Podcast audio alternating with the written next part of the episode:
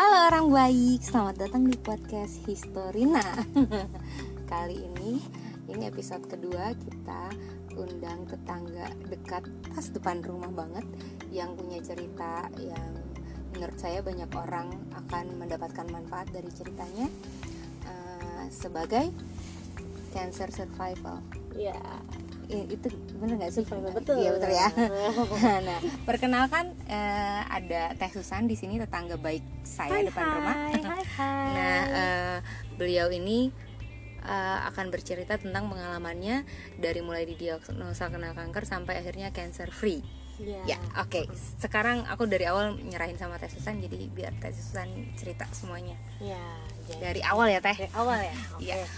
jadi ceritanya waktu anakku yang paling kecil umur 3 tahun berarti itu tahun berapa 2010 Hmm. nah itu sempat ada benjolan di payudara kanan Mm-mm. Nah, cuman karena pada saat gadis juga sempat ada benjolan gitu, cuman hilang timbul gitu. Eh, aku pikir lah udahlah nggak nggak akan masalah kali ya ini juga paling nanti juga akan hilang. Ternyata seiring waktu tiga tahun kemudian, berarti di anak umur 6 tahun, Mm-mm. eh, s- ternyata enam bulan terakhir tuh dari sebelum aku periksain tuh dia membesarnya masif lah cepet banget gitu. Eh, eh, eh, kasih gambaran secara verbal mungkin ya Teh Oh ya, misalnya sebelumnya segede bakso terus Oh, jadi ya. telur atau gimana Eh, tadinya tuh kecil sebesar biji apa ya? Eh, apa kacang tanah? Kacang tanah kan Oh, kecil, kecil, gitu kecil ya, banget. kecil banget ya. dan beberapa itu rasanya sebelumnya itu cuma satu memang, Oh, oke. cuma satu. Nah, terus tapi lama-lama agak besar sampai kayak bakso kecil gitulah gitu. Oh. Nah, pasnya ini kayaknya membesarnya cepet banget gitu. Hmm. Nah, terus di setelah itu biasalah googling yang namanya sekarang kan udah keren banget ya. Googling Hmm. semua di googling. Eh, memang banyak banyak poin-poin di situ yang bilang bahwa itu arahnya cancer gitu ya. Ah, sorry bentar teh. Pertama kali banget teteh ngeh eh, menggoogling. Menggoogling itu kan karena ada perasaan yang gak enak. Apakah teteh tidur terlentang dulu terus nggak sengaja Bisa, kepegang atau gimana? Maksudnya Enggak sih, kejadian cuman awalnya pengen banget. aja gitu pengen aja ngecek karena eh, ngerasanya eh, kondisi fisik nggak nggak drop gitu ya maksudnya kalaupun memang ada pusing ada apa pasti ada ada alasan lain lah selain dari itu Hmm. jadi cuman iseng aja mungkin hanya pembekalan diri kali ya secara nggak langsung gitu Oh, ya iya, jadi buat oke. buat cari-cari info aja karena memang udah tahu tiga tahun yang lalu ada Mm-mm, benjolan ada gitu ya cuman dan Oke. ini membesar gitu kan Mm-mm. nah terus akhirnya eh, ada satu waktu kok eh, di permukaan payudara itu ada ada di yang di atas benjolan itu tuh berwarna coklat lebih gelap lebih gelap, daripada yang Iya, lainnya. Iya terus oke. ada kayak lesung pipit gitu jadi ada ada dekuk jadi gitu kayak kecubit di dalam iya dari dalam gitu, ya. betul. Kayak nah pipit, oke. googling lagi tuh waktu itu. Cuman memang arahnya tetap aja cancer gitu. Tapi ya namanya denial pasti ya ada ya di situ. Ah bukan lah gitu. Sampai yang tuh teh. Nah, nah satu waktu ya itu tadi aku lagi ceritanya lagi pakaian gitu terus berat jatuh ngambil. Nah kalau payudara yang kiri itu kan memang nggak ada benjolan sama sekali ya. Jadi dia tuh ngegantung lah kayak buah gimana sih di pohon gitu ya ngegantung. Nah ternyata payudara yang kanan yang bermasalah itu sebagian turun gitu menggantung, sebagiannya lagi kayak nempel gitu di di kulit kita gitu di daging yang badan which gitu itu ya. di bagian yang kayak ada Iya. lesung pipitnya itu Nah, ya ah, iya di situnya. Dari situ mulai berpikir wah ini Kayaknya something ada wrong yang lah, aneh tuh. Nah dari situ tuh memang ngumpulin keberanian banget untuk periksa gitu ya sampai berapa kali denial. Nah sampai satu waktu nggak tau lah dapat hidayah kali gitu. berani gitu akhirnya Aku eh, yakin langsung, gitu mau eh, coba yakin. coba deh Ya, dan kebetulan memang eh, rumah sakit yang dituju juga memang rumah sakit bagus gitu di ya. mana tuh teh Di Siloam Semanggi. Jadi Hmm, memang dia hmm, spesialis banget lah gitu ya. Mm-mm. Sebetulnya sih awalnya memang bukan mau oh pasti kanker bukan gitu, cuman eh, Periksa kayaknya aja. "Ha, ha, periksa aja deh di situ lagi ada promo pula kan waktu itu. Mm-mm. Ya eh iya eh, FYI Siloam Semanggi itu sering banget emang ngadain promo untuk USG payudara mamografi dan sama- iya, ya lengkap lah dipaketin itu salah lu- dan murah dan saya pernah nyoba juga Iya. Nah, itu tuh enak banget di situ ya si dokternya memang juga agak kaget gitu ternyata ke sana kok sendirian gitu ya. Mm-mm. Nah, setelah di USG, di mamografi, balik lagi USG lagi. Mm-mm. eh, dia sih memang bilang saya dia nggak mau ngeduluin karena belum ada uji kli apa hasil labnya lah gitu ya. Kalau secara gambaran Visual. image gitu ya memang arahnya ke kanker karena ternyata waktu di USG itu si benjolan itu dia eh, tepinya tuh pinggirannya itu nggak nggak mulus? nggak mulus kasar Iya. iya betul begitu Oh, semua. iya. Nah kalau eh, si dokter bilang kalau seandainya dia itu eh, tegas garisnya Mm-mm. itu eh, hanya Tumor, lemak atau iya. tumor jinak dia bilang itu. betul betul Nah akhirnya ya di situ lah ya udahlah berarti ya mau nggak mau next harus ketemu sama spesialis onkologi gitu kan. Dan akhirnya daftar dulu tuh ke bawah tuh di lantai dua ya. Di kebetulan dirujuknya dengan dokter yang baik lah oleh susternya gitu dan dokter siapa tuh teh? eh, dokter Albandin. Eh, onkologi. Onkologi. Dan dia bener-bener fully support lah gitu ya. Maksudnya kita bener-bener blank gitu dia jelasin dan informatif berarti ya Iya dokternya. banget. Jadi kita pun yang nggak nggak perlu nanya, dia cerita aja ngalir gitu aja gitu ya. berarti untuk untuk pasien yang pasif gitu mungkin nggak berani dan nggak nggak bingung juga mau nanyanya apa eh, bagus ya untuk Iya. datang ke dokter enak, seperti iya, itu ya Betul. Nah terus memang sih dokternya waktu itu juga kaget karena eh, kok tiga tahun gitu didiemin gitu ya. Hmm. Ya habis gimana ya karena nggak ada. Aku tidak mengalami penurunan kondisi kesehatan gitu ya seperti biasa tetap aja. bugar kayak Iya biasa dan nggak nggak cenut-cenut nggak gimana gitu. nggak ada itu berarti ketika teteh itu bukan karena ada rasa sakit Bukan, sama sekali enggak ya nggak ada, Ber- nggak ada. berarti belum sampai tahap pada sakit tapi Iya. itu udah cancer gitu Iya ya. betul. nah eh, teh mau tanya itu pas diperiksa USG mamografi itu udah berapa senti katanya? Udah sekitar dua setengah kali berapa ya? Kali tiga berapa gitu. Oh udah setengah kali tiga. Udah gede udah gede lah Mang. nah terus kayak ya itulah. Akhirnya si dokternya cerita eh, mungkin karena dengan term yang udah tiga tahun itu dia menyarankan operasi dulu gitu ya dibandingin kemoterapi segala macem. Dia sih masih beranggapan semoga kalau ternyata ini di apa diperiksa gitu di operasi dilihat moga-moga cuman eh, apa sih namanya kayak infeksi aja harapannya dia gitu ya. Eh, tapi kalau misalnya ternyata bukan kata dia dia sih memang menjalankan langsung diangkat payudaranya waktu itu. Oh langsung payudaranya? Yes Mastektomi langsung, ya? iya langsung di mastektomi Mm-mm. eh aku sih waktu itu langsung sama suami langsung setuju aja gitu ya. Dokternya juga sempat kaget kok baru diomong sekali kita langsung iya aja. Cuman akhirnya begitu sampai kita ke titik dioperasi ternyata waktu pas diambil sampling oh iya bener nih cancer gitu. Dari situ dia cuma ngasih tahu ke suami bahwa pak iya betul ini cancer. Akhirnya dengan udah otomatis itu persetujuan kan diangkatlah payudara kanan gitu ya. Itu jadi teteh satu kali operasi eh, ambil sampel positif cancer langsung, langsung diangkat. jadi sebelum operasi memang sudah ada persetujuan Iya, untuk mastektomi ya udah siap gitu udah ya. siap mm-mm. Oh my god. karena nah, dari itu begitu saya berarti teteh sorry ya teh Ah. secara mental nih aku.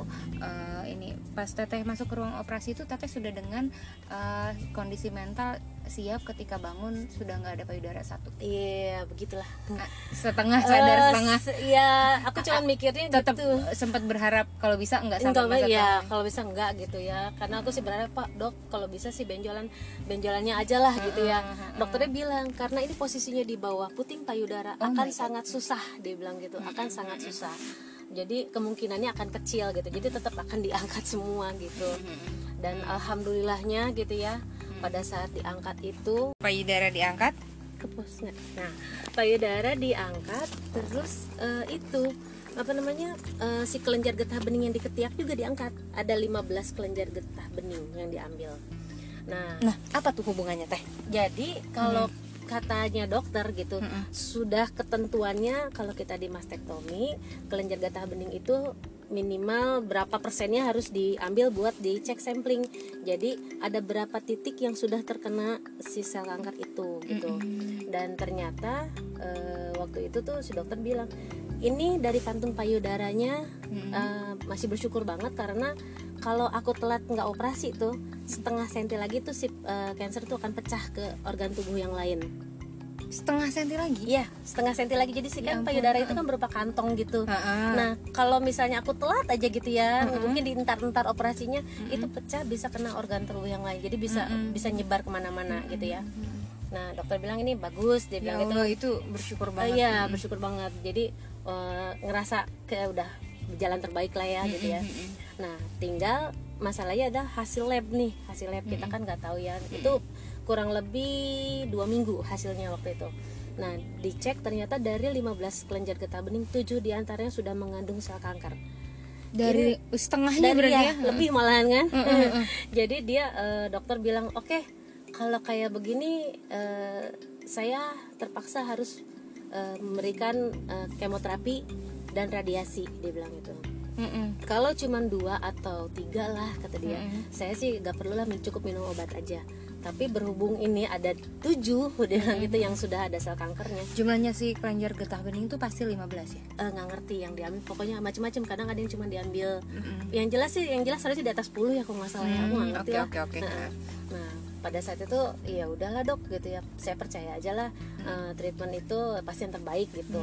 Dan alhamdulillah dengan eh, kemoterapi sebanyak 6, 6 sesi itu ya. Jadi tiga minggu sekali itu aku ketemu sama obat yang bikin aku botak. Semua Iya, bulu habis gitu kan.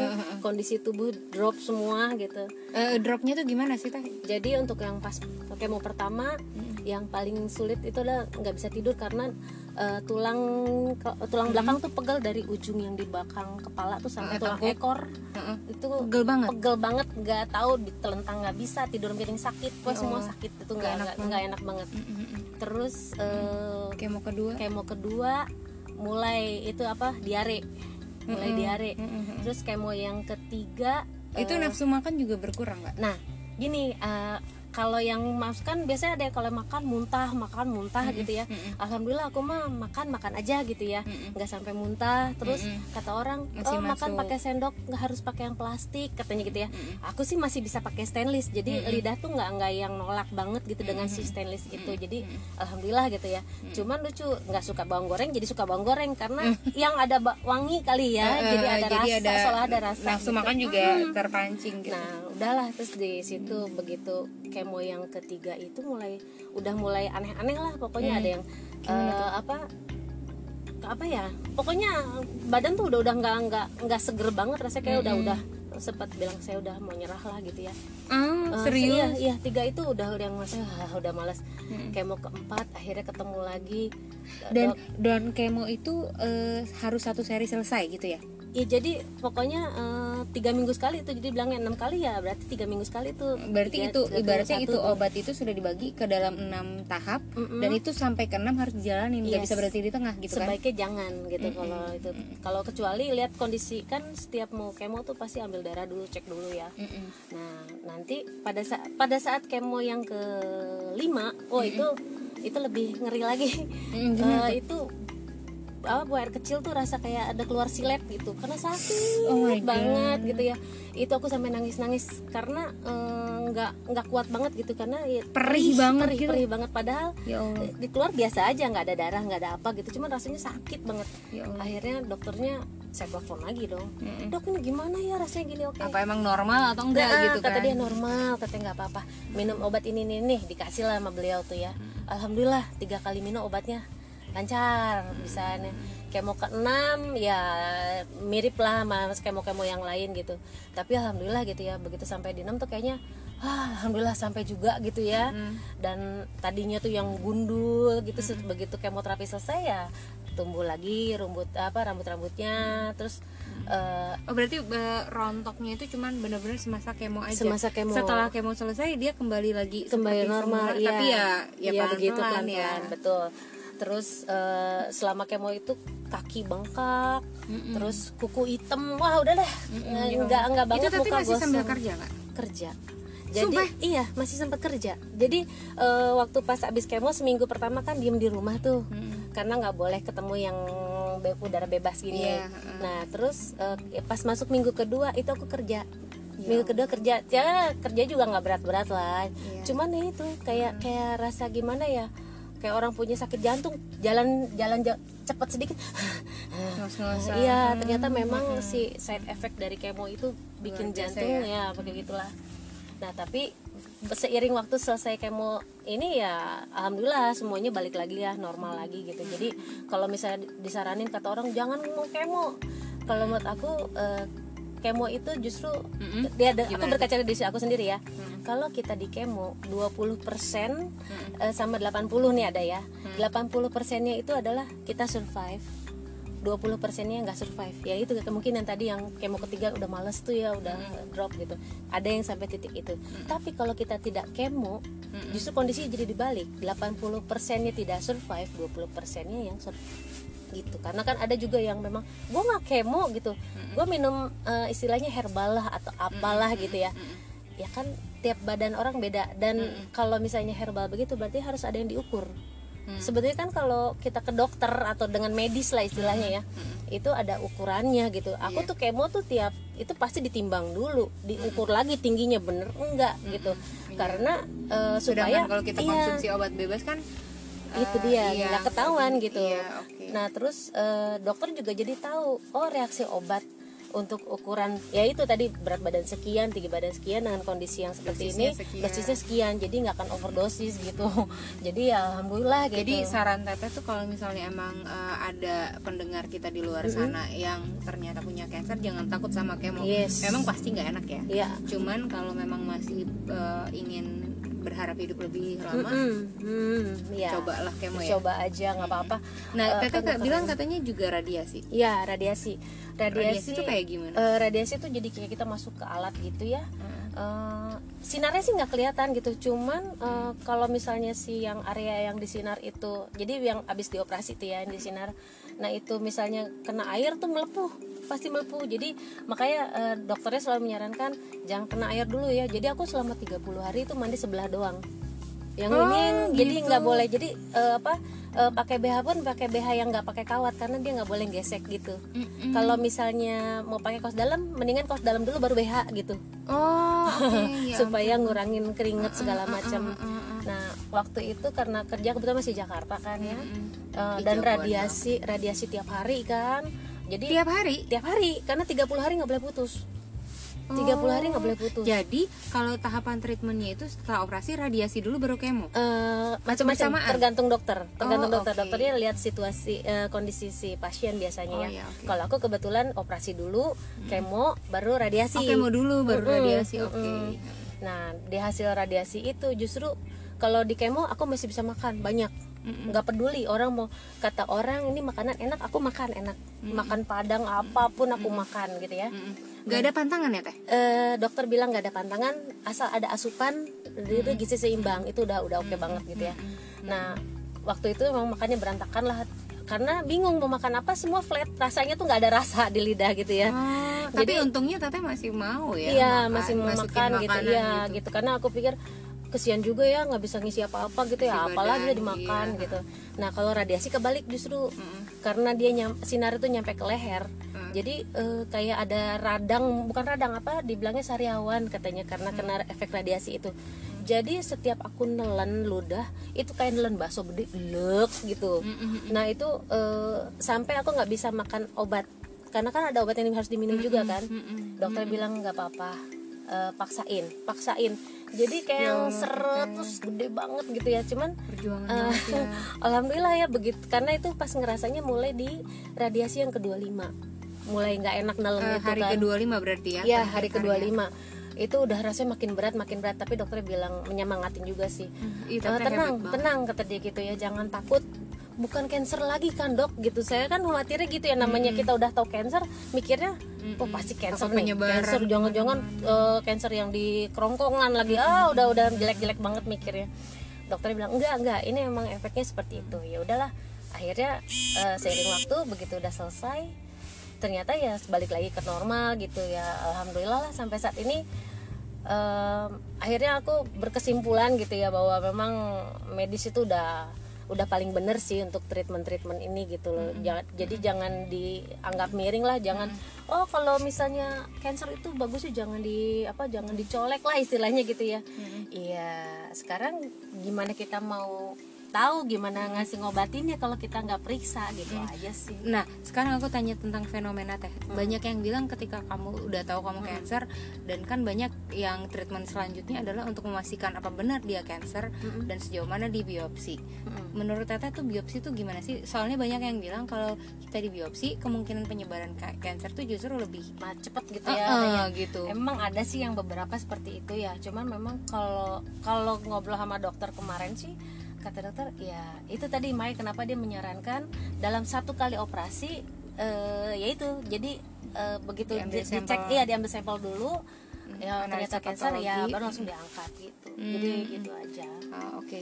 Eh, lalu teteh setelah beres eh, kemo radiasi selanjutnya apa? Obat? Eh, obat. Nah aku ini ada obat yang diminum tiap hari selama eh, dan disarankan selama 15 tahun yes masya allah teteh iya jadi sampai sekarang teteh setiap Iya, hari nggak pernah skip betul nggak apa, boleh apa skip. yang terjadi kalau skip Eh, kalau skip Sangat mungkin kan istilahnya- kita ya, lupa ya, atau betul. apa. Jadi dokternya sih bilangnya nih, kalau misalnya kita terlupa langsung buru-buru minum. oh oke Nah, bukan berarti dosisnya Kapan tambah pun, ya, ah, tapi ah, ah. diminum aja obatnya. Karena obat yang diminum itu eh, istilahnya ngebentengin bentengin tubuh kita gitu dari si sel-sel kanker gitu loh. oh Nah, jadi kalau misalnya kita ada skip buru-buru tutup tuh. Karena dia selama obat itu berpengaruh selama 24 jam. Jadi makanya kenapa minum di jam yang sama. Tuh. Mm-mm. Nah, cuma memang jeleknya efek samping dari obat yang aku minum tiap hari ini Mm-mm. eh, kita harus extra care karena kan satu dibuat eh, apa ya kayak menopause gitu ya. Mm-mm. Nah, dibuat Oh, oh, oh. menopause. Oh, efek samping dari obat ini jadi menopause lebih cepat. Iya. Nah, jadi kan dinding rahim itu otomatis menebal ya. Nah, kadang-kadang kalau kita skip untuk periksa itu bisa menjadi arahnya cancer rahim. Nah, makanya kenapa dokter selalu menyarankan cek ke dokter eh, Kandung. obji- eh, kandungan tapi yang memang khusus yang untuk cancer cancer itu. Jadi tahu kan kita riwayatnya minum obat ini, obat ini, obat ini gitu. Terus sama sendi-sendi suka kaku-kaku kayak gitu ya. Terus gitu tiba-tiba badan kayak yang kepanasan, sampai keringetan. Nah, itu side effect dari obat yang aku minum. Eh, berarti setelah eh, apa namanya pengobatan kan kanker eh, cancer survivor itu biasanya nggak punya anak lagi kali ya teh? Eh, kalau misalnya nih ya atau nggak bisa dijelaskan semua nggak bisa kanker ya? gitu ya nggak bisa. Jadi eh, waktu itu kan eh, hasil PA-nya itu bahwa aku tuh eh, estrogen sama progesteron positif. Jadi hormon berpengaruh banget terhadap si cancer ini gitu ya. Nah terus ada lagi satu lagi eh, HER2 plus HER2 plus ini buat ngelihat dia seberapa ganas reaktif dia kayaknya kayak gitu nah kebetulan yang untuk HER2 plus ini aku negatif. Jadi Mm-mm. si sel kankernya itu nggak nggak yang agresif kali gitu ya jadi ya. Eh, nah nah pengobatan sih buat yang hormon berpengaruh ini ya salah satu aku dibuat menopause oh siang tadi. Tuh oh, oke oke. Nah. untuk menunda atau menghentikan Iya, harapannya ya betul. Penyebaran, eh, nah pertumbuhan. memang sih waktu pas mau kemoterapi dokternya juga bilang nanya juga gitu ya. Ada niat nambah anak nggak gitu ya? Karena kemoterapi bisa merusak si indung telur juga sebetulnya kan. Nah berhubung udah nggak ada ini Ya, lagi udah punya gitu ya tiga udah juga, tiga ya kan? Ya sudahlah gitu nggak apa-apa dok saya nggak tadinya memang mau nambah satu tapi sudah nggak apa-apa. Saya bilang gitu yang penting saya sehat ya. Nah terus eh, dari selain obat itu yang aku minum ternyata dari hasil kemoterapi udah lewat itu gitu ya nggak nyampe setahun saya haid lagi ya itu kan nggak boleh. Jadi menurut dokter Kenapa itu? karena hormonnya estrogen progesteron positif tadi itu. Oh, Jadi- tapi itu kar- nggak karena skip obat bukan karena skip obat bukan. Mm-mm. karena memang usia kita masih produktif. Iya Nah, emang. Iya gitu. betul. Oh iya teteh eh, di diagnosa itu usia berapa itu? Eh, berapa ya? Lupa eh. Tahun 2000 14 2014 eh, 40. 42 eh enggak dong baru 38 ya. Oke iya masih produktif ya teh Ya. ya, masih panjang. masih produktif banget. Terus akhirnya eh, apa namanya si dokter bilang oh ya udah kita suntik aja waktu dia gitu. Atau diangkat indung telurnya. Wah kan kalau operasi lagi kayaknya serem ya. Jadi akhirnya kita mutusin ya udah deh suntik aja deh gitu dan selama 18 bulan jos jos jos Setiap bulan. setiap bulan sebulan sekali di perut tuh disuntikin. Dan setelah itu alhamdulillah tuh bener nggak nggak haid tuh eh, tiga tahun. Nah abis itu kecolongan gara-garanya cerita minum-minum ya pengen langsing kayak gitu-gitu. Nah iya iya. detox detox detox juga gitu ya. Ternyata bikin haid lancar. Akhirnya sekarang suntik lagi. Iya ampun. suntik lagi. Suntiknya itu jadi ulang dari awal ulang lagi. lagi tapi Oh, eh, gitu? iya eh, sebetulnya sih opsi dokter sih ya udahlah eh, nggak mau operasi ya nggak apa-apa suntik gitu. Tapi kan udah jauh dari yang pertama. Hmm. Iya. kecuali yang deket nah dia sih pasti itu maksudnya ulang lagi 1 sampai 18 bulan? Iya heeh, satu bulan. Gitu? 18 bulan lagi hanya karena si detox iya. Itu. Iya. Ya ampun anda kita tahu dari awal kagak diminum itu ya iya bener. Kan nggak tahu Ya juga pikirnya yang penting just- kan turun berat badan gitu ya, ya itu gitu ya. udah sekarang yang penting sehat deh teh. Nah sekarang jadi benar-benar harus eh, apa ya? Pokoknya kalau misalnya udah udah selesai nih treatment-treatment tuh bagusnya rajin kontrol. Nah, nah, nah itu dia. Nah, itu dia. Setelah Teteh sudah kemo, radiasi, lalu minum obat 15 tahun itu kan berarti ya berjalan terus kan dan suntik untuk menahan menopause. Itu Teteh dari situ berapa bulan sekali sampai akhirnya sekarang berapa lama sekali eh, kewajiban untuk kontrol. Eh, sebetulnya sih gini, kalau kontrol itu eh, kalau untuk nge-lab bisa 3-4 bulan sekali. Jadi otomatis ketemu dokter 3-4 bulan sekali. Hmm, Gitu. Jadi setahun 3 4 Ya, kalian ya. ya. Terus eh, ada lagi ke, ke karena dari kantor dapet untuk PET scan ya. Jadi aku setahun sekali udah pasti PET scan. PET scan itu apa PET scan jadi diperiksa dari ujung rambut sampai ujung kaki itu mana yang takutnya ada sebaran. Jadi itu eh, be- kayak gimana? Apakah kita, kita, masuk, masuk, ke alat gitu, Oh, masuk kayak di MRI dipoto, gitu? Iya, kayak MRI gitulah. Hmm, Nah, hmm, Nah, nanti kelihatan di situ kalau misalnya memang ada sebaran, dia tuh ada titik-titik yang terang-terang-terang kayak gitulah. Dan itu Teteh alhamdulillah nggak free. free apa karena dari kantor, dari kantor dikasih. Bukan maksud aku eh, nggak ada, Alhamdulillah, oh, nggak ada, nggak penyebaran. ada, Eh, eh, nggak ada. Alhamdulillah. Eh, Februari kemarin nggak ada sebaran, terus Agustus kemarin kan akhirnya Itu PET scan tuh setiap 3 4 bulan sekali itu. enggak PET scan itu setahun sekali. Setahun sekali. Yang Setahun 3 sekali. sampai 4 bulan sekali itu Ikut- dikontrol iya, ya. hanya darah yang kayak gitu-gitu. Oh, oke. Oh, setahun sekali setelah sekian berapa tahun yang lalu teh 2014 sampai Dari sekarang ya? eh, jadi aku ter- eh, PET scan pertama itu tahun 2015. Udah empat kali berarti ya. Ah, gitu. Nah, Dan terus alhamdulillah nanti, masih eh, kok, eh, free ya. ya, tetap sampai sekarang. alhamdulillah. Alhamdulillah, Karena di terus. tengah-tengah kan kalau setahun sekali tuh kayaknya jauh ya. Maksudnya Iya, jaraknya uh-uh. rentangnya. Dokter tuh berbaik hati juga gitu ya. Dia di setiap 6 bulan dari setelah PET scan itu eh, dia selalu remind nih eh, cek lagi ya tapi nggak nggak PET scan. Jadi dia cuma foto toraks yang kayak gitu gitulah USG jadi kita istilahnya early warning lah kalau misalnya itu sebelum ke PET scan berikutnya gitu. Itu teteh masih dengan dokter yang sama Al Alban iya. Cuman karena kalau misalnya untuk eh, karena kan aku pindah rumah sakit ya jadi waktu pas treatmentnya itu eh, akhirnya aku ngambil pakai BPJS ke, ke rumah sakit. Darmais. Eh, itu Ada gimana? Sekalian mungkin boleh sekalian diceritain teh. BPJS teteh mengcover apa saja gitu. Eh, alhamdulillah sih selama ini nggak pernah ngeluarin uang sepeser pun Sama sekali. Sama sekali. Semenjak apa? Kemo, semenjak, semenjak operasi. kemo kemo kalau operasi kan pakai kantor ya Pak eh, asuransi kantor kantor. masih di Siloam nih. Iya. Nah, terus semenjak kemo dan seterusnya itu Iya. di Dharma Is terus. iya Darmais terus Tapi dokternya masih sama. dokter yang kan dapat rujukan tuh kalau kemoterapi dokter lain lagi jadi dia ada dokter tuh ada satu tim Oh, gitu iya, tiga iya, orang iya. gitu Baiklah. yang eh, operasi yang kemo sama yang radiasi gitu Oh iya, dan itu tercover semua ya Iya, teh, tidak semua. membayar apa pun.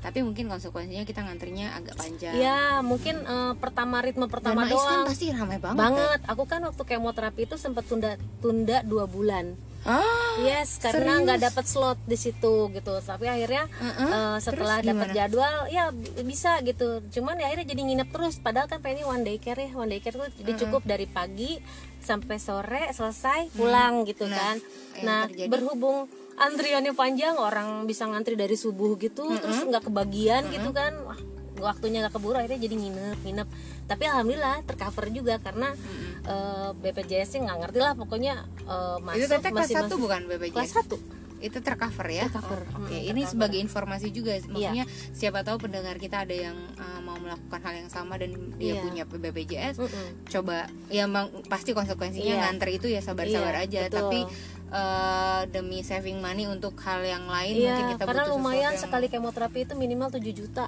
sekali. Oke. sekali. Ya. Itu berarti harus diusahakan banget sih pakai BPJS. Iya. Terus radiasi berapa tuh kira-kira budgetnya?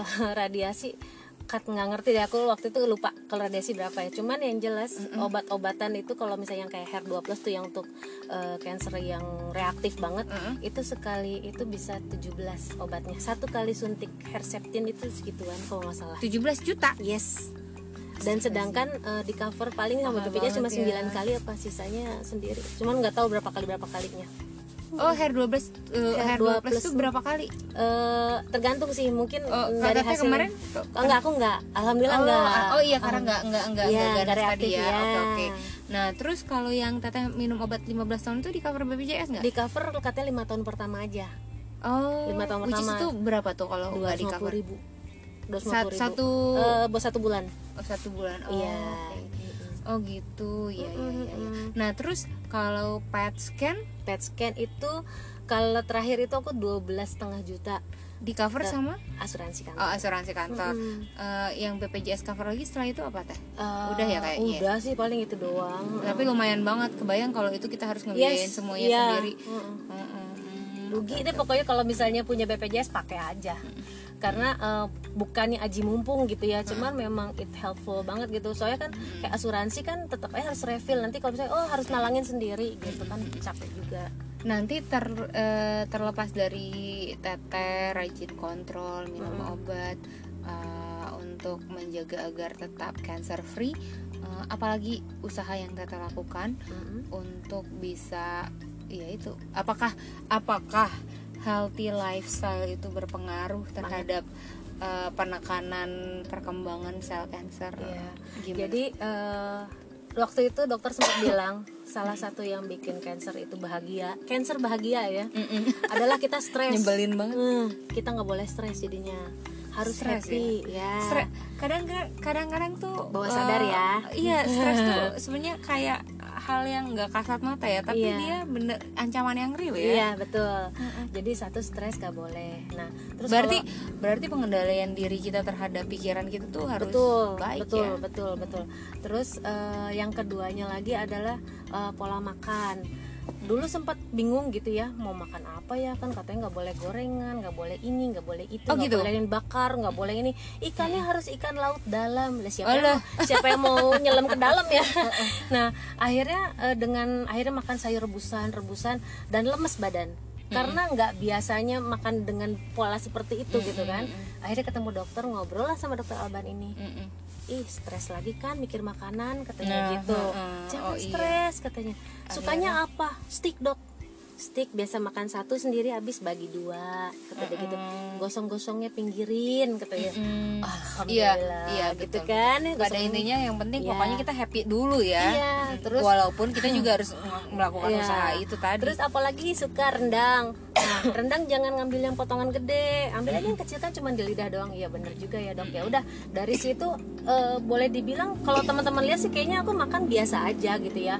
Eh, cuman kayak dulu kan aku biasa Indomie pagi dua dong ya. wow Sekarang udah enggak gitu ya. Digantilah sama ya buah atau apalah. Kalau perlu kalau enggak ya air putih aja gitu.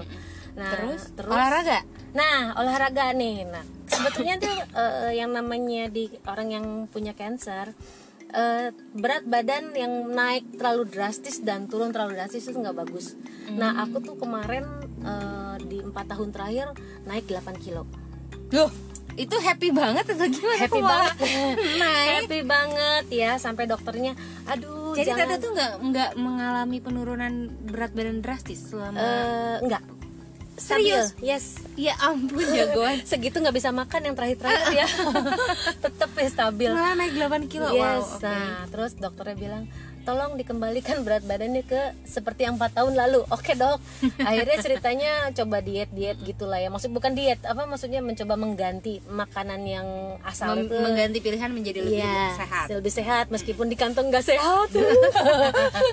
nah ternyata eh, belum signifikan juga gitu karena olahraga kalau dulu kan Jakarta mungkin ya energinya ada yang keluarin gitu. Kalau sekarang kan udah sam- udah di kota sendiri gitu ya, rumah kantor deket gitu, mekar lah ya. Nah akhirnya dicobalah olahraga. Nah olahraga yang sesuai apa ya sebetulnya sih yang bikin kita nggak capek aja gitu ya. Kalau aku sebetulnya sebenarnya dulu waktu kecil senang banget lari terus geser ke basket. Cuman kan kayaknya udah males banget sekarang harus basket gitu. Akhirnya nyoba lagi lah jalan pagi gitu. nggak boleh kecapean juga nggak sih? Eh, terlalu capek juga nggak boleh. Jadi memang memang harus iya dikembalikan karena kan semua si jantung itu kan udah kerjanya udah udah kena kemoterapi itu memang apa ya dikembalikannya tuh emang butuh waktu. Hmm, butuh waktu. Jadi nggak bisa langsung ekstrim gitu ya. Nah ternyata ke sini ke sini lihat juga ada hasil medical check up juga yang menyarankan bahwa minimal 30 hari eh 30 menit dalam satu minggu itu harus olahraga apa ada ada ada activity entah jalan entah lari gitu akhirnya dengan lari dan alhamdulillah sih eh, dari 8 kilo itu sudah sukses diturunkan ya. Berapa? Sekarang sekarang berat badannya 58 itu udah turun berapa kilo? 8 oh jadi udah balik lagi dong? Iya. Ih, bete aku juga. itu. Jadi memang emang apa ya eh, butuh Hebat. butuh energi lebih gitu ya bukan bukan jadi kalau kata orang ah mungkin hanya ikut ini." aku sih memang ada target buat buat nurunin cuman nurunin juga bukan bukan untuk hedon hedonan gitu ya tapi memang karena memang disarankan dokter gitu karena takutnya kalau aku terlalu gemuk nanti kan ada lemak-lemak tuh di bawah kulit ya. Nah ntar kalau dia tidak terbakar katanya dokter itu berkumpul menjadi hormon yang tidak yang nggak bagus buat kita gitu. Nah takutnya jadi pemicu lagi buat kalau cancer yang sering berikutnya aku dengar tuh termasuk dari dokter onkologiku dulu tuh ya lemak itu makanannya kanker gitu. Iya bener. Jadi kalau eh, kita rajin olahraga si lemaknya terbakar istilahnya Insya Allah meniadakan ya, makanannya. Ya, mengurangi gitu terus apa lagi paling Nah, sayur-sayuran teh tuh. kita kita drag lagi ke awal ini mungkin harusnya pertanyaan ini di awal ya Mm. Eh, jadi kalau ini pertanyaan banyak orang dan dulu termasuk pertanyaanku oh ya by the way Mm. aku cerita sedikit ya Mm. aku juga eh, tahun 2000 lem- sorry 2014 Mm. aku juga dioperasi diangkat eh, tumor jinak di payudara. Mm. Eh, alhamdulillah tidak sampai mastektomi tapi dari awal juga ketika masuk ke ruang operasi udah siap dengan eh, eh, eh, keputusan itu udah tanda tangan surat persetujuan. Alhamdulillah tumor jinak dan itu di bawah masih di bawah 2 cm itu satu setengah cm dan eh, apa pinggirannya itu eh, mulus tegas nggak nggak geradakan. Artinya tidak ada pertumbuhan yang masif. Iya. Eh, jadi nggak masalah. Eh, dulu pakai dokter onkologi di eh, rumah sakit Mitra Kelapa Gading dapat eh, rekomendasi dari teman kantor itu namanya dokter Walsa Gautama oh dokter iya bagus Iya, tuh Mm. bagus tuh kan. Nanti juga tahu kan. Beliau masih muda tapi eh, banyak yang merekomendasikan untuk eh, ke beliau. Memang pas itu eh, saya pilih rumah sakitnya yang mahal karena pas itu operasi yang teman-teman ada juga operasi di RSCM cuman habis 16 juta dan saya di situ eh, aku di situ sampai 40 juta. Dan itu ya pasti nggak ke cover Iya, sama asuransi semuanya jadi tetap harus ngeluarin biaya sendiri. Nah eh, di situ tuh eh, sempat nanya sama dokternya dokter eh, kenapa sih saya eh, punya ini benjolan? Pada saat itu sih masih tumor ya memang. Eh, kenapa sih saya punya tumor? Dan itu pertanyaan juga bagi mereka yang udah punya kanker. Kenapa? Kenapa saya? Dan karena apa? Apakah ada yang salah dengan gaya hidup saya selama ini? Salah makankah? Atau eh, keturunankah atau apa? Terus jawabannya cuma satu. Enggak it's given. Eh, itu eh, apa ya pemberian dari Tuhan kepada kamu Iya. bu enggak karena keturunan bu memang sih Iya. kalau sudah pernah ada eh, Tiga orang tua saudara tante om nenek kakek eh, yang sudah punya ada riwayat pernah punya cancer kemungkinan kita untuk punya cancer lebih besar Iya. karena ketika pertama kali kita bertemu dengan dokter onkologi beberapa pertanyaannya adalah eh, di antaranya Keluarga ada. apakah ada di antara keluarga kamu yang Iya. punya cancer atau tumor Iya. atau semacamnya Betul. karena memang itu juga berpengaruh Betul. Eh, tapi pada dasarnya eh, itu kena ke siapa kepada siapa apakah karena dia makan junk food tiap hari lalu kemungkinan untuk kena kansernya lebih besar itu enggak enggak Iya. memang healthy lifestyle itu eh, akan eh, healthy lifestyle itu eh, ya makan sehat Hmm. ya olahraga yang kayak gitu itu akan memperbaiki kualitas hidup dan kualitas kesehatan kita Betul, gitu betul. Eh, meminimalisir perkembangan karena kalau pas aku teh Mm. jadi lima tahun eh, 2008 ke 2014 itu lumayan lama ya berapa Hmm. Iya, tahun tuh kira-kira enam tahun lah Iya. 2008 aku tahu itu tumor tapi memang dokternya bilang ah ini jinak lu Eh, lima tahun lagi dioperasi juga nggak masalah saking artinya tidak bahaya sama Iya. sekali ya dan pada saat itu memang aku masih rajin olahraga dan kata dokternya "Eh, dok eh, ini saya 2008 udah pernah ini.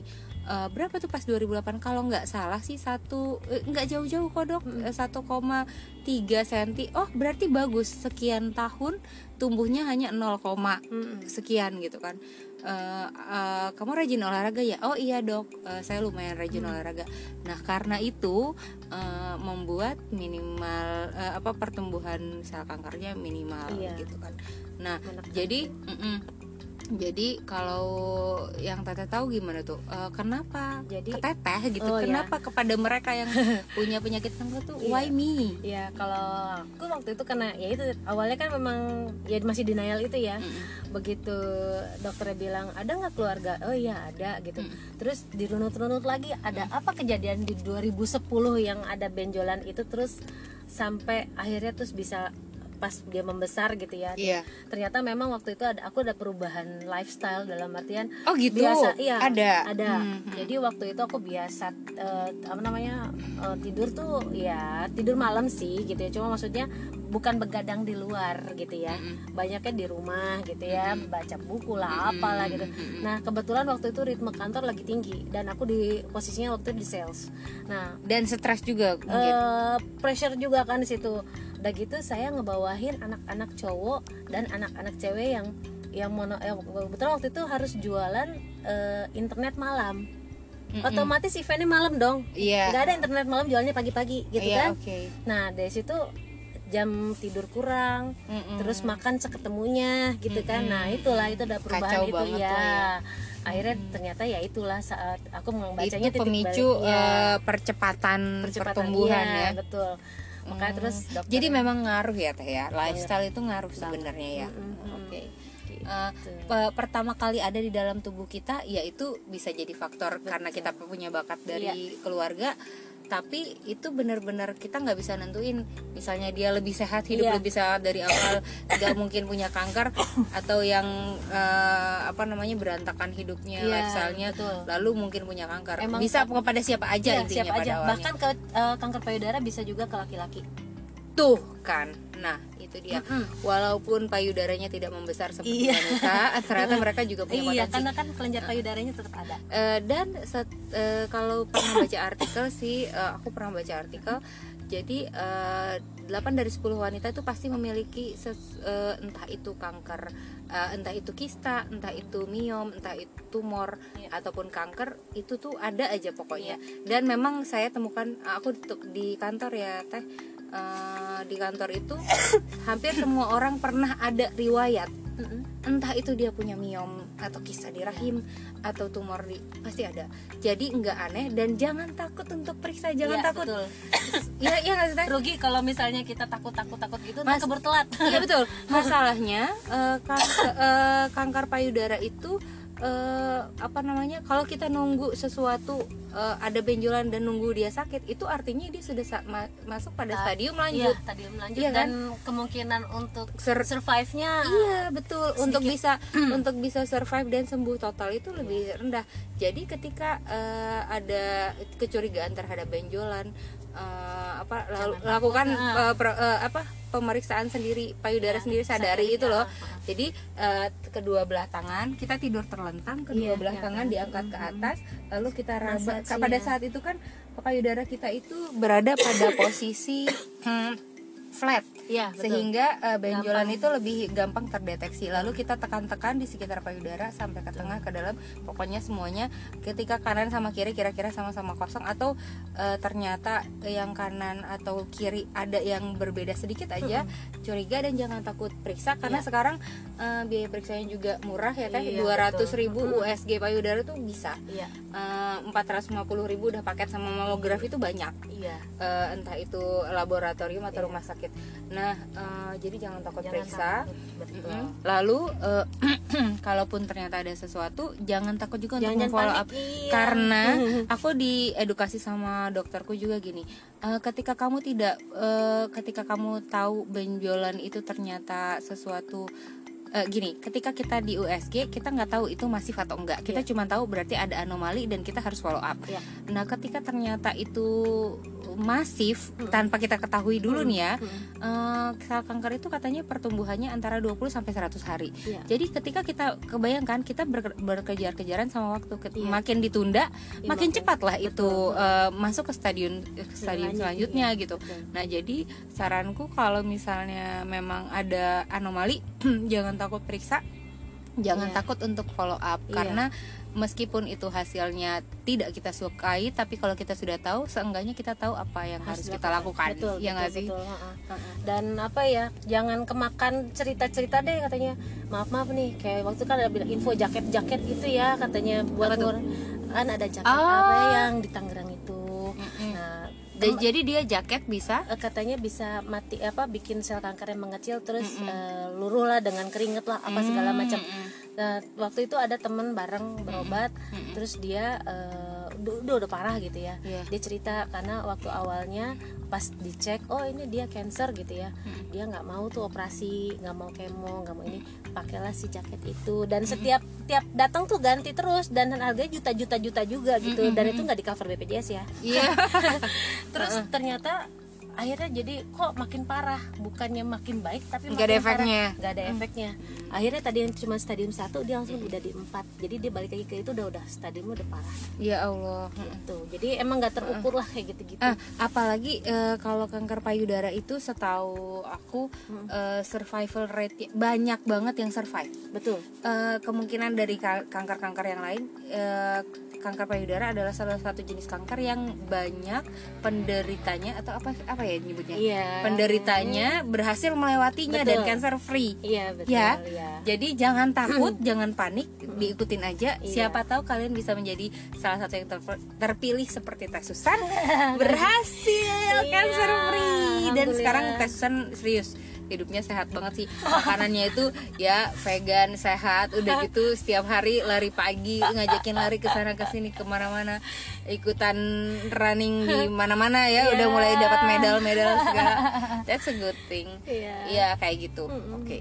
Em, apalagi teh yang kira-kira mau Apa diceritain ya? Ya pokoknya gitu aja lah. Pokoknya jangan takut aja untuk periksain gitu loh. Apa pun itu hasilnya gitu kan eh, makin ketahuan lebih awal lebih baik gitu. Iya betul betul. Bukan bukan berarti jadi momok ya cuman jadi tapi jangan terus drop begitu tahu itu. Justru, justru kita harus "Mm, mm, mesti ngapain ayo gitu. Iya, betul, jadi betul. dilawan gitu loh karena kalau jujur, mau dapat motivasinya? Nah kayak waktu yang tiga tahun itu tuh kan aku nggak mikirin. Sebetulnya kalau dipikirin mungkin jadi tambah gede lebih cepat lebih ya? cepat lagi Oh, gitu betul, ya. betul betul. Dan aku ngerasain makanya begitu oh kok kayaknya 3-6 bulan terakhir ini kok cepet banget tuh gedeannya? Nah aku langsung itu ya googling Nah, bisa itu. itu juga tuh salah satu poinnya. Kita juga harus aware sama Iya. diri kita. Jadi kita harus pintar-pintar men- menangkap alarm tubuh. Betul. Contohnya nih kayak aku sekarang nih kaki udah Hmm. sakit artinya udah obes. Harus PR banget ya harus diet. Makanya udah mulai rada serius walaupun belum serius banget ya. Nah eh, sama itu teh tadi. Hmm, eh, teteh kan eh, tadi aku sempat eh, off the record sempat nanya apakah pernah nangis teh Susan tidak pernah katanya nangis selama menjalani dari awal diagnosa sampai akhirnya cancer free tidak pernah menangis kecuali satu kali sempat sedih ketika selesai operasi Yes. melihat bahwa Eh, musuhan sama cermin nggak suka ngelihat kaca suka, karena suka. eh, ya eh, wanita nggak itu sempurna keindahannya gitu. wanita itu kan salah satunya poinnya yang berbeda dengan kaum Iya. Adam adalah salah satu payudara Payudara, kan. Betul, betul. dan payudaranya udah nggak lengkap gitu. nggak jadi lengkap, merasa betul. tidak secantik Kayaknya dan tidak iya, sempurna gitu nggak ya. seksi kayak dulu gitu nggak bohai gitu ya rasanya. Cuman ya begitu dah. Ta- memang sih itu pasti eh, aku aku juga yakin ketika aku berada di posisi teteh aku pasti stres juga sih. Maksudnya sedih. Iya. mungkin mudah-mudahan sih nggak sampai stres. Iya. cuman eh, tapi poinnya kan kita pengen Sehat. apalagi kita udah punya anak kita pengen hidup lama Betul, bisa mendampingi anak-anak iya. jadi kesempur eh, apalagi kalau memang suami juga sangat mendukung suami Om Iya. Hen kan suami teteh juga sangat oh ya Allah untuk apa-apa tadi kata teteh Iya. kata-katanya untuk Iya. apa sempurna iya tapi sakit gitu Iya, em, lebih Mendidik baik ya, dibuang tapi- penyakitnya meskipun jadi sedikit Iya. kurang sempurna Iya, gitu kan. betul. Eh, karena tetap sempurna di mata dia dan Iya, udah berapa belas tahun pernikahan? udah lama Belasan tahun. Nah, eh, apa namanya? Jadi jangan takut dan FYI sekarang tuh udah banyak eh, bra yang misalnya Iya. kamu eh, eh, naujubillah kamu harus dimastektomi di payudara kanan ataupun kiri itu tuh sekarang udah ada bra yang uh, ada untuk silikonnya. iya ada silikonnya. Jadi uh, tidak membuat bentuk payudara kamu terlihat dari luar penampakan luarnya Iya. itu jomplang sebelah gitu betul, enggak. betul betul betul. Walaupun Teh Susan ini seringnya uh, mm, ya tampil apa adanya. Jagoan lari sih orang cuek banget emang. Iya apalagi kalau lari cuek banget ya. Bodoh deh sebelah sebelah iya jadi jangan takut. Maksudnya uh, udah banyak inilah sebenarnya udah banyak teknologi di luar sana yang memfasilitasi iya uh, kebutuhan-kebutuhan wanita lah Betul. gitu. Nah, terus uh, sama apa ya? Tadi aku mau nyampein satu lagi tuh apa ya? Iya, pokoknya uh, kalian semoga yang memang sudah sedang merasakan atau ragu-ragu nih karena kayaknya mm, deh ada sesuatu deh misalnya ciri-cirinya nih ya selain ada benjolan dia ada kisut atau seperti lesung pipit uh, di permukaannya atau uh, puting payudaranya Iya, masuk ke dalam dalam itu juga atau udah ngeluarin cairan Uh-uh. atau ada juga uh, yang mengelupas Iya. areolanya oh kalau udah ngelu- ngeluarin cairan malah udah, Udah harus cepet-cepet tuh Yes. Uh-uh. itu jangan ditunda segera periksa apa pun itu mbak bahkan ketika itu bukan apa-apa state seenggaknya Iya. kamu bisa tidur dengan tenang Iya, gitu ya betul, betul. Eh, kalau gitu eh, podcast kali ini sampai di sini aja dulu thank you banget ya Susan Sama-sama. dan kita berharap hari ini eh, ada manfaat yang bisa diambil sama pendengar ya. thank you bye